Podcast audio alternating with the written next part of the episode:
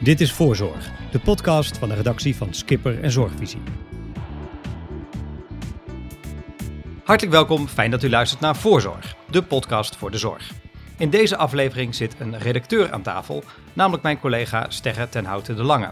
Sterre, welkom in de podcast. Dankjewel. Jij hebt eh, de afgelopen tijd voor Skipper en Zorgvisie veel geschreven over de jeugdzorg. Waarom heb je je eigenlijk juist in dat onderwerp verdiept? Ja, het is een uh, gift that keeps on giving, zou je kunnen zeggen. Er is heel veel aan de hand in de jeugdzorg. Naast dat dat over veel geld gaat en over veel beleidsproblemen en bestuurproblemen, gaat het ook over een belangrijke doelgroep, vind ik. Ik bedoel, als je voor de jeugd zorgt, dan zorg je voor de toekomst van je samenleving.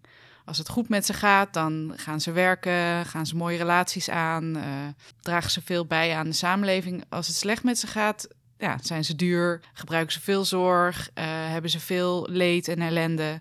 Dus je kunt het verschil maken in de jeugdzorg en dat vind ik ook wel boeiend. Ja, nou zei je zelf al van er is veel aan de hand in de jeugdzorg. Nou, daar heb je natuurlijk over geschreven. Kun je eens kort schetsen wat er dan precies aan de hand is? Ja, gemeenten moeten voor alle zorg voor jeugd zorgen sinds 2015. En dat uh, lukt niet zo goed. Ze hebben er te weinig geld voor. Maar er zijn ook wel nog wat haken en ogen aan, zomaar even voor jeugdzorg uh, zorgen. Zowel financieel lukt het niet en daar is heel veel gedoe over. Uh, maar ook in de organisatie stokt het. En wat zijn er dan problemen waar gemeentes tegenaan lopen als zij ineens de jeugdzorg moeten organiseren? Nou, ineens. Het is wel uh, op zich al zes jaar aan de gang. Het begon sowieso met dat zij jeugdzorg mochten gaan doen, maar wel voor minder geld. Want het idee was, ja, uh, de gemeente staat lekker dicht bij de burger. Zij kunnen dus snel erbij zijn als er iets aan de hand is. Maar het is best wel lastig om snel erbij te zijn, om preventie op de juiste plekken te organiseren. En als je daar dan ook geen ervaring mee hebt of weinig ervaring mee hebt, dan uh, is het een beetje schieten met hagel. Dus dan is het weinig effectief en dan wordt het juist weer duurder van. Ja, terwijl het eigenlijk, als ik dat zo hoor, ook een verkapte bezuinigingsmaatregel was. Ja, dat klopt ik vind niet zo heel interessant of het een verkapte bezuinigingsmaatregel is. Uh, feit is dat het niet kan met de afslag en een decentralisatie tegelijkertijd. Waar heeft dat toe geleid dat dat eigenlijk dus helemaal niet kan? Dat het niet lukt om goede zorg te geven. Er was weinig zicht op de kwaliteit van de, van de zorg. Of uh, gemeenten wisten niet wat goede kwaliteit zorg was, uh, waar ze dat moesten inkopen. Ze hadden ook geen zicht op welke hulpvraag er was. Ze hebben allemaal hun eigen beleid geschreven, waardoor vooral grote jeugdzorgorganisaties te maken hebben met heel veel gemeenten met allemaal hun eigen beleid. Dus meer regeldruk, dus meer tijd, uh, minder tijd voor de kinderen. En de wet is ook een beetje wazig omschreven. Het is alle zorg voor jeugd. In de loop der tijd is het een beetje een containerbegrip geworden. Dus alles valt erin. Alle problemen die, waar gezinnen tegenaan lopen, valt nu onder jeugdzorg. Terwijl de verslaving van een ouder, uh, het niet hebben van werk van een ouder, huisvestingsproblemen. Dat zijn allemaal dingen waar jeugdzorgmedewerkers in gemeenten mee te maken krijgen. Terwijl hun bak, wat jeugdzorg is, is gewoon veel te groot geworden. Dus die stroomt over. En als je zegt dat de gemeentes het allemaal een beetje op hun eigen manier uh, konden inrichten, heb je een, een, voorbeeld van de verschillen tussen gemeentes waar dus die uh, jeugdzorgorganisaties tegenaan liepen? Jawel, uh, er zijn gemeenten en die hebben jeugdzorgorganisaties in hun eigen gemeente neergezet. Dus dan, dan werden het eigenlijk gemeenteambtenaren die jeugdzorg gaven. er waren gemeenten en die hebben het half in hun gemeente gedaan. Dus dan richten ze bijvoorbeeld een wijkteam op, wat dan wel helemaal door hun betaald wordt, maar door een externe organisatie. En er zijn gemeenten die een wijkteamachtig systeem hadden en die moesten verwijzen naar, naar jeugdzorgorganisaties. Dus de route naar jeugdzorg is bijvoorbeeld al heel anders. Er zijn ook heel grote verschillen in uh, wat voor een jeugdhulp, dus dat is een beetje de lichtere vormen, de preventieachtige vormen van jeugdzorg, hoe die georganiseerd zijn. Er zijn gemeenten waar ze helemaal geen jeugdwerkers hebben die voetbaltoernooien organiseren om nou ja, de problemen vroeg op te vangen. En er zijn gemeenten waar ze daar juist uh, wel heel veel in investeren. Dit is nu de situatie van de afgelopen zes jaar. Ik kan me voorstellen dat het lastig is voor gemeenten om zelf uh, opnieuw het wiel uit te vinden. Maar ook dat er in een jaar of vijf, zes al behoorlijk wat uh, op poot is gezet en behoorlijk wat draait. Dus als je daar nu zo uh, naar kijkt, zou je ook kunnen zeggen van nou, het heeft tijd gekost, het had handiger gekund, maar nu loopt het wel? Mm, nee, we zijn er echt nog lang niet. Uh, er is afgelopen jaar heel veel gewerkt aan wat is het budget eigenlijk wat jeugdzorg zou moeten hebben. Er zijn, uh, zoals dat uh, gaat, allemaal onderzoeken naar gedaan. En um, voor dit jaar is het, het geld wat destijds bezuinigd is, is er bijgelegd. Uiteindelijk, na heel veel overleggen en commissies en onderzoeken en dingen. Maar het is nog niet structureel. En ook wat is jeugdzorg nou eigenlijk en waar ben je als gemeente dan precies verantwoordelijk voor? Dat is een vraag die nog steeds op tafel ligt, uh, waarvan iedereen inmiddels weet dat is een vraag die we moeten beantwoorden.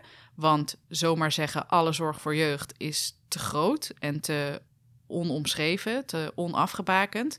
Maar wat het antwoord op die vraag is, daar uh, zijn de meningen nog over verdeeld. En is er wel een plan om tot een antwoord te komen daarvoor? Of is dat ook weer een kwestie van iedereen heeft er zo zijn eigen ideeën over en uh, we zien wel waar schip strandt? Nee, er wordt nu uh, op dit moment, deze, sinds deze zomer, is er een uh, hervormingstafel gevormd. Uh, dat, is, bestaat uit vijf soorten partijen. VWS, het ministerie van het Rijk, en VNG, de Vereniging Nederlandse Gemeenten. Nou, die zijn al een jaar met elkaar aan het praten hierover. Die zijn nog niet veel verder gekomen dan alleen euro's erbij. En ja, we moeten het over maatregelen hebben. Er komen nu uh, drie partijen bij. Dat zijn de, de professionals, de branches gespecialiseerde zorg voor jeugd. En de derde groep zijn de cliënten. Dus er is nu een vijfhoek met elkaar aan het praten over welke kant het op moet. En de grote vragen die in de jeugdzorg spelen, wat hun antwoorden daarop. Ja, dat klinkt uh, als een uh, typische Nederlandse situatie. Een vijfhoek die om tafel gaat zitten om te praten. Ja. En wat zijn dan de vragen die ze willen beantwoorden? Nou, dus het belangrijkste volgens mij is wat is de rijkwijde van jeugdzorg? Dus valt daar verslavingszorg bij? Moet je het hele systeem aanpakken en moet dat dan ook van hetzelfde budget? Een andere vraag is: wanneer is het jeugdzorg? Wanneer moeten wij als samenleving, wanneer vinden wij als samenleving dat je moet helpen, dat je jongeren moet helpen in hun opvoeding? Want nu is het zo dat, dat dat zo weinig omschreven is dat het gaat van ik heb een minuscuul probleempje tot het loopt gierend uit de hand. En ja, er zijn discussies over of je zorgzwaarte drempels moet gaan maken. Het nadeel daarvan is natuurlijk dat je dan weer niet er vroeg bij bent. Dus dat je eigenlijk gaat wachten tot de problemen gierend uit de hand lopen. Dat is een discussie. En de, dus rijkwijde zorgzwaarte. En de derde vraag is: waar moet het georganiseerd worden? Moet het bij de gemeente uh, liggen? Is dat de meest handige plek? Zijn zij daadwerkelijk uh, dichter bij de burger? Kunnen zijn zij in staat om eerder bij problemen te zijn? Of moet het dan weer terug? Maar ja, helpt dat de jeugd nou daadwerkelijk als we het hele systeem weer om gaan gooien? Aan de andere kant, als je 352 uh, administratiesystemen hebt, dat is ook niet echt wenselijk. Dus er wordt ook veel gesproken over uh, gemeenten verplichten om samen te werken. Ja, daar zijn gemeenten natuurlijk niet heel gelukkig mee dat ze verplicht worden om hun beleidsvrijheid op te geven. Aan de andere kant, het lijkt erop dat dat ja, wel een goede optie zou zijn.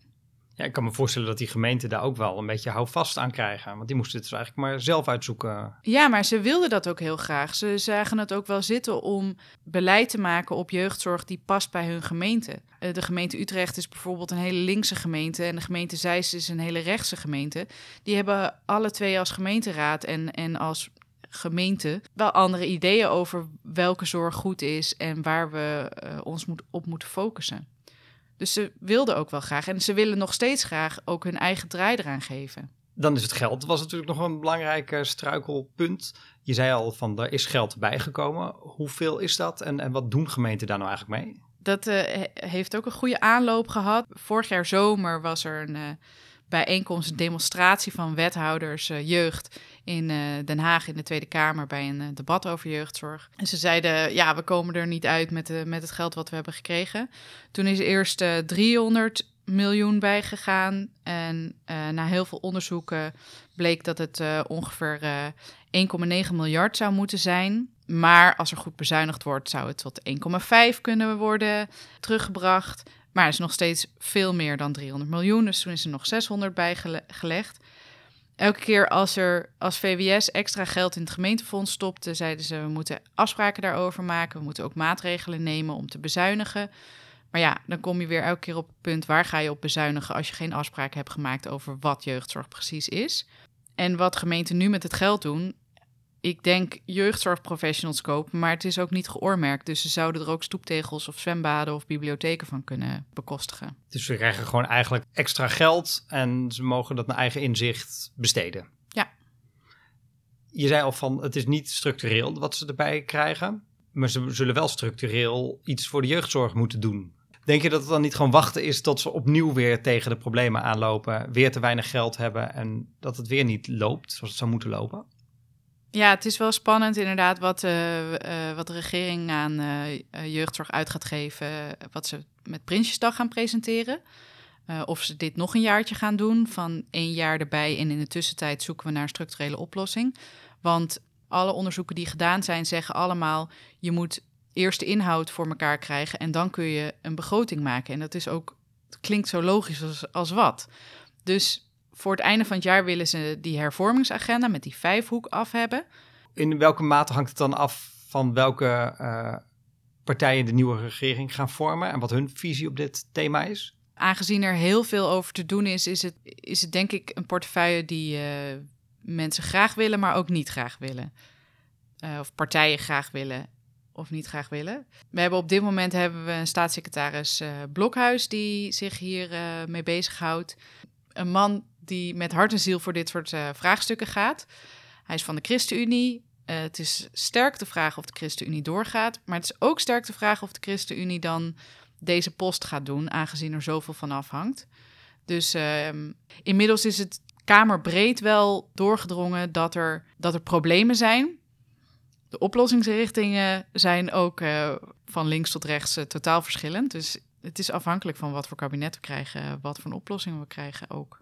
Ja, dan heb je met veel mensen gesproken natuurlijk voor je artikelen. Welk beeld komt daaruit naar voren wat jou betreft over wat de aanbieders van jeugdzorg zouden willen? Hoe zien zij het voor zich? Om te beginnen willen ze minder regeldruk. Dus uh, ze willen sowieso regels over hoe er gedeclareerd moet worden of hoe, uh, hoe de financiën in elkaar zitten. Um, Wat ervoor, ze willen minder regeldruk, dus ze willen daar regels voor?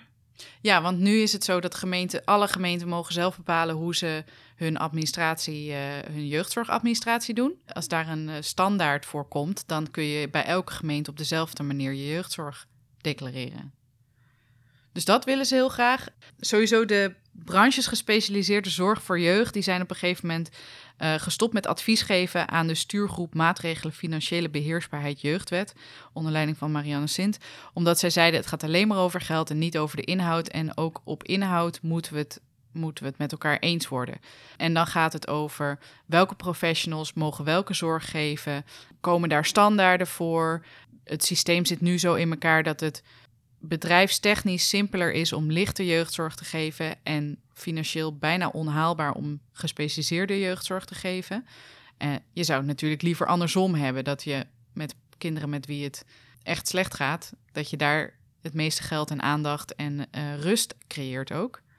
Dus um, uh, ook vanuit die gespecialiseerde hoek is er wel sterk de vraag dat er structurele samenwerking tussen gemeenten komt, dat, er, dat ze niet elke keer dat er een gemeente weer uit een samenwerking stapt en dat ze weer opnieuw afspraken moeten maken met die gemeente.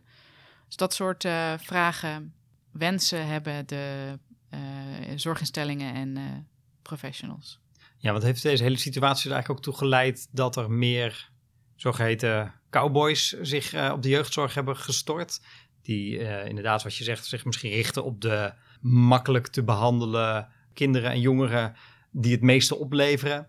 Of die met uh, onbewezen methodes werken, dat soort, dat soort zaken? Ja, nou je het zegt. Het komt dus niet zoveel in de gespecialiseerde jeugdzorg voor. Maar juist aan de, aan de lichte kant zijn er weinig controles op hoe goed kwaliteit is. Er is bijvoorbeeld geen verplichting om effectief bewezen methodes in te kopen en verder, uh, als het niet bewezen is, zorgen dat het bewezen wordt. Dus er zijn ook uh, tal van paardentrainingen uh, wordt altijd als voorbeeld gegeven. Uh, niet effectief bewezen. Er zijn wel mensen die er heel erg in geloven. Er zijn ook mensen die er heel goed uitkomen. Maar het is wel de vraag: als het zo goed werkt, waarom doen we er geen onderzoek naar?